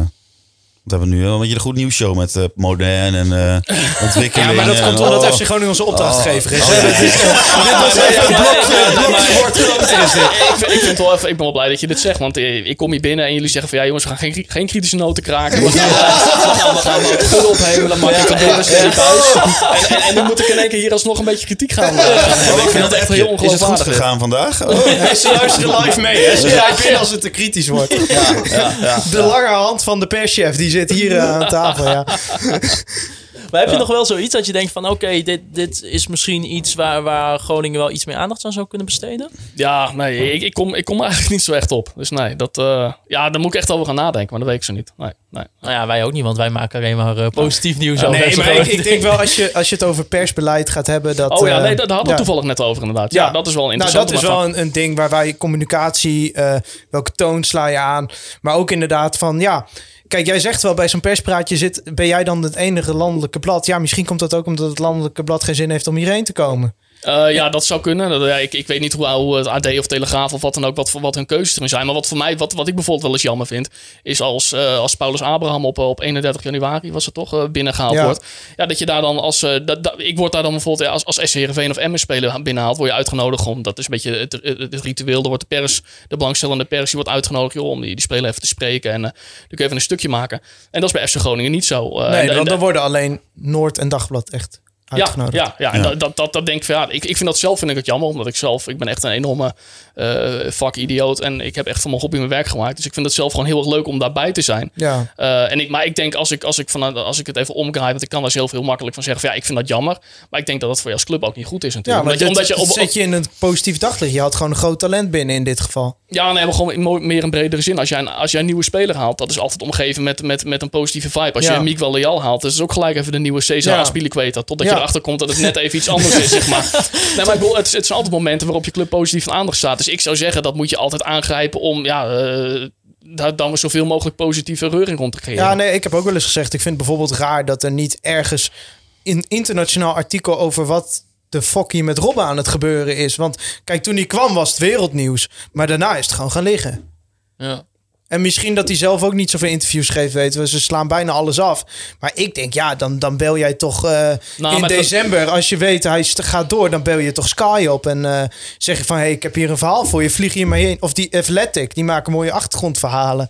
En vertel het maar dat die man alweer twee keer tegen stoppen aan zit. En toch op een druilerige dinsdag doortraint. Ik denk dat dat verhaal, eh, dat verdient dan wel even, even wat nuance. Want ik weet wel dat Arjen Robben zelf eigenlijk alles afhoudt. Dus het kan, ja, je kunt dan zelf als club wel het idee hebben van... ja, we gaan, gaan de Athletic en, en Sky en de BBC allemaal uitnodigen. Maar als Arjen Robben zelf aangeeft... jongens, ik wil het allemaal zo klein mogelijk houden... totdat ik er weer sta. Ja, dan, dan moet je er Ja, gewoon maar dat is brengen. gewoon even een voorbeeldje van dat Ja, ik denk. ja. Want als jij zegt, ik, ik wist dat niet. Dat, dat, want als je een, tra- een transfer aankomt, dan nodig je toch alle pers even uit. Dat, ja. dat is bij- Want jij dat is zegt, bij- andere clubs doen het ook. Ja, dat- maar dat is ook gangbaar. Ja, Ja, ja. Nou, dan moet je ook niet raar opkijken als er dan eh, alleen maar bij een perspraatje bijvoorbeeld... dat mensen dan denken, ja, dan kom ik daar ook nou ja, klopt inderdaad. Je zou kunnen zeggen op het moment dat jij, dat jij, dat jij gewoon eh, de volledige landelijke pers uitnodigt... op het moment dat jij Paulus Abraham aantrekt... dat dat ook gewoon erin gaat resulteren dat die mensen misschien eerder naar eh, een moment komen... wanneer er ja, iets minder spannend is. Maar omdat je, dan zit je wat meer in, in laten we zeggen, in de...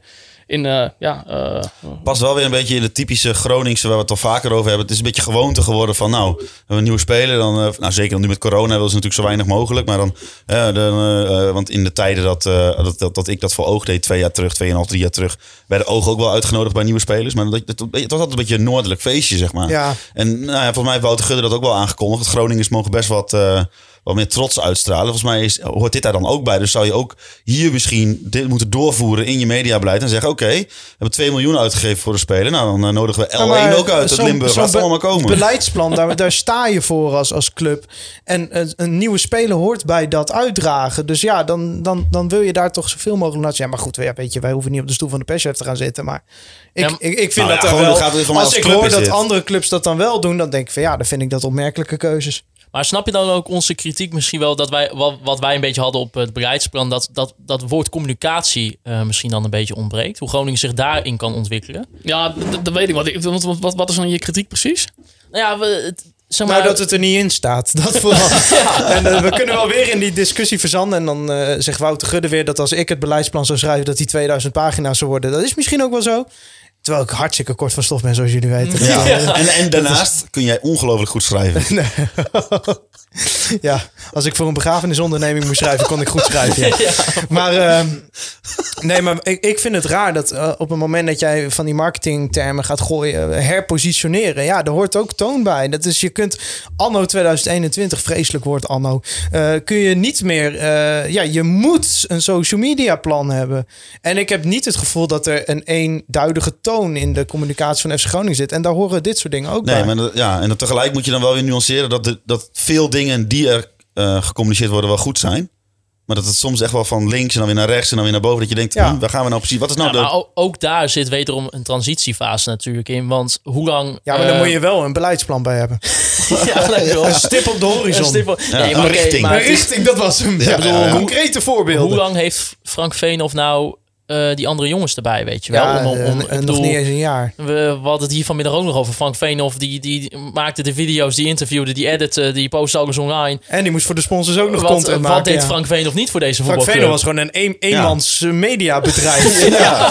Wij komen met, met vier personen hebben wij bij elke productie al. eh, dat bedenk ik nou. eh, ja. Nee, maar ook dus daarom. kijk, ik da- bedoel- daar zit, dat, dat, ik denk dat het heeft ook gewoon nog tijd nodig. Ja, ook, dat- ook. Maar het is dat, kijk... ja, maar eh, daarom moet Frank het in een Veenhoff- plan staan. Dat is het idee van een plan. Laat ik, ja, precies. jaar. Laat ik Frank. Veenhoff even als eh ex-DBD gebruiken. Frank Veenhoff heeft talent. Dat vinden wij volgens mij alle drie eh, wel. Ik weet niet of jij hem ook kent of jij het ook vindt. Ik ken hem wel. En ik vind inderdaad wat, wat FC Groningen op, op socials, wat, wat ze doen, dat vind ik echt eh, van, van bijzonder niveau. Nou, klopt, ja. precies. Ja, laatste is tijd wel. laatste tijd wel. Eh, Gaat zeker hij, goed. ehm, weet ik persoonlijk dat hij ook inzetten heeft. Dus hij, heeft heel veel, hij stopt er heel veel tijd in. Meer dan volgens mij eh, officieel op zijn contract staat. Maar goed, dat weet ik ook niet helemaal zeker. Maar ik denk het wel.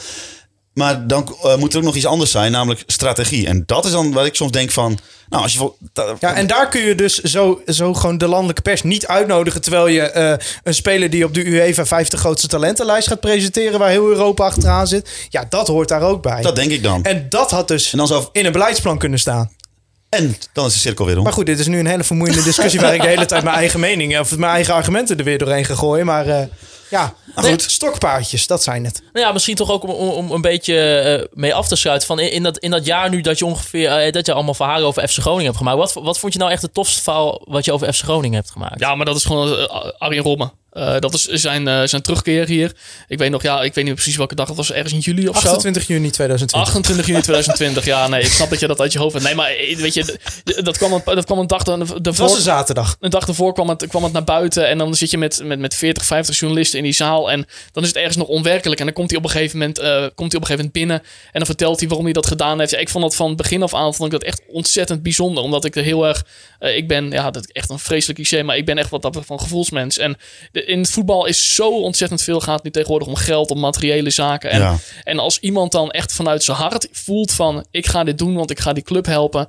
En ik vind dat ik hier, eh, ik vind dat ik hier een bijdrage aan kan leveren. En dat niet doet om status, niet doet om eer en niet om geld, maar gewoon omdat hij ja, nou, echt vanuit nou ja, de motieven waar we het over gehad hebben, dat vind ik schitterend. En dat vind ik het verhaal eh, nou ja, van dit seizoen, eh, hoe dat ook gaat eindigen, vind ik eh, het verhaal. Ja. Ja. Want we hebben al zo vaak zeg maar, hè, de, de stem van de support gehoord natuurlijk die het zo fantastisch vindt. Maar neem ons inderdaad mee naar dat moment dat die persconferentie is. Van, hoe, hoe, hoe ging dat gewoon onder de journalisten?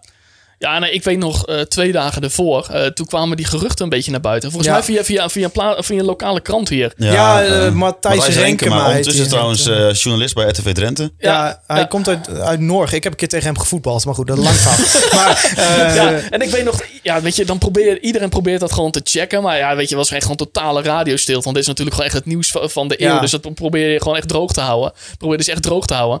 Eh, maar ja, op een gegeven moment komt dat dan naar buiten. En dan is het echt gewoon, ik had toen, nou ja, die periode ervoor hadden we net ons huis gekocht, weet je. En dan denk je, nou, ik ga lekker FC Groningen volgen, Heerenveen volgen en Emmen volgen.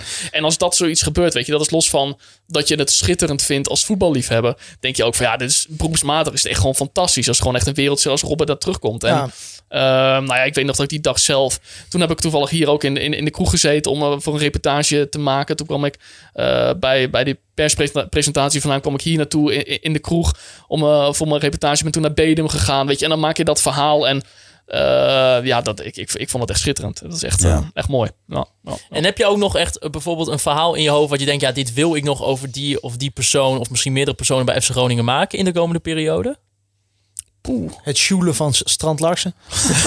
Dat zal wel echt een uitstekende reportage zijn. Ik vraag me, ik vraag me alleen af in hoeverre, want hij heeft het natuurlijk laatst in een interview mij verteld. En ik kwam hem. eh, eh, Oh, dat was jouw interview. Ja, Ja, genoten. Echt genoten. En ik Ja, kwam een paar dagen later, een paar, een paar dagen geleden na de training tegen. En toen had ik even een eh, interviewtje met hem over iets anders. Toen vroeg ik er even naar. En toen, en toen zat, ja, dan zei hij gelijk van ja, het gaat niet zo goed meer. Dus ik weet niet in hoeverre hij er echt nog heel fanatiek Ja, mee bezig maak het beeld nou niet kapot. Ik Ja, wij maar- zien hem in die, in die tasmantoren, in die flat. Hij daar ook al? Met zijn vriendin. eh, ja, die woont eh, volgens mij... Nee, hij woont, eh, hij woont in het zuiden van de stad. Ik heb, Oh. eh, iemand heeft hem, die ik ken, heeft hem een keer afval zien weggooien. Ah, Ja, ja, Ja, jongens, echt met interessant Ik ik En hij deed het niet in een vuilniszak, maar in een Albert Heijn tas, een afval. Oh, Dus ik weet niet of de, of de teammanager ook luistert. Geeft die man even een rol vuilniszakken. van Como. Die, andere- die, dingen, die andere dingen scheuren uit. Dat is Ja, echt enorm kut. Como sponsort ons trouwens nog niet, maar dat, dat is dat mag wel best wel. Ja, Maar goed, eh, hij woont dus, maar ik zie hem daar in zo'n, in zo'n nieuwbouwflat met zijn vriendin s'avonds. Hè? Dat is gewoon, eh, gewoon, dan drinkt hij even zijn, eh, zijn theetje van Mark, van Mark van Hintem. Dat is de technisch directeur van Vitesse. Bart van Hintem. Nee, shaky hè? Ja, shaky van Bart van Hintem er nog even in. En dan even lekker opgepompt zijn. En dan even de shoestenen. Maar het is echt een ontzettend leuke gozer. En het is ook Ja. echt iemand die heel erg uitgesproken is en humor heeft, intelligent. Ik ben heel erg benieuwd, los van het feit dat je aan alles ziet dat hij heel erg getalenteerd is. Maar eh, hij heeft ook echt wel in zich om, nou, ja, dat zijn plafond eh, veel hoger ligt in Groningen, maar ook gewoon om echt wel een, eh, een personality te Ja. worden. Ja. En je ziet nu een beetje eh. Ja, hij, heeft dat wel een beetje, ja. hij is eigenlijk een beetje ook te lang voor zijn kwaliteiten. Ja. ja. Want op een gegeven moment geeft iedereen maar een hoge bal, die gozer. ja, maar hij kan helemaal niet Maar hij komen. heeft, a- hij heeft alibi-lengte. Ja, Ja. mooi verwoord. Maar Ja. Ja. zullen wij anders Strand Larsen een keer in de podcast doen? dan ga ik wel... Eh, dan ga jij de techniek doen, want nee, jij maar kan geen Engels. Maar, met, maar- de shoelbak erbij. met ga eens potjes Mijn zoenen. Nee, maar dan krijg je zo'n man bij het hond item. Dat moeten we ook niet hebben. Thijs, mijn Engels is prima.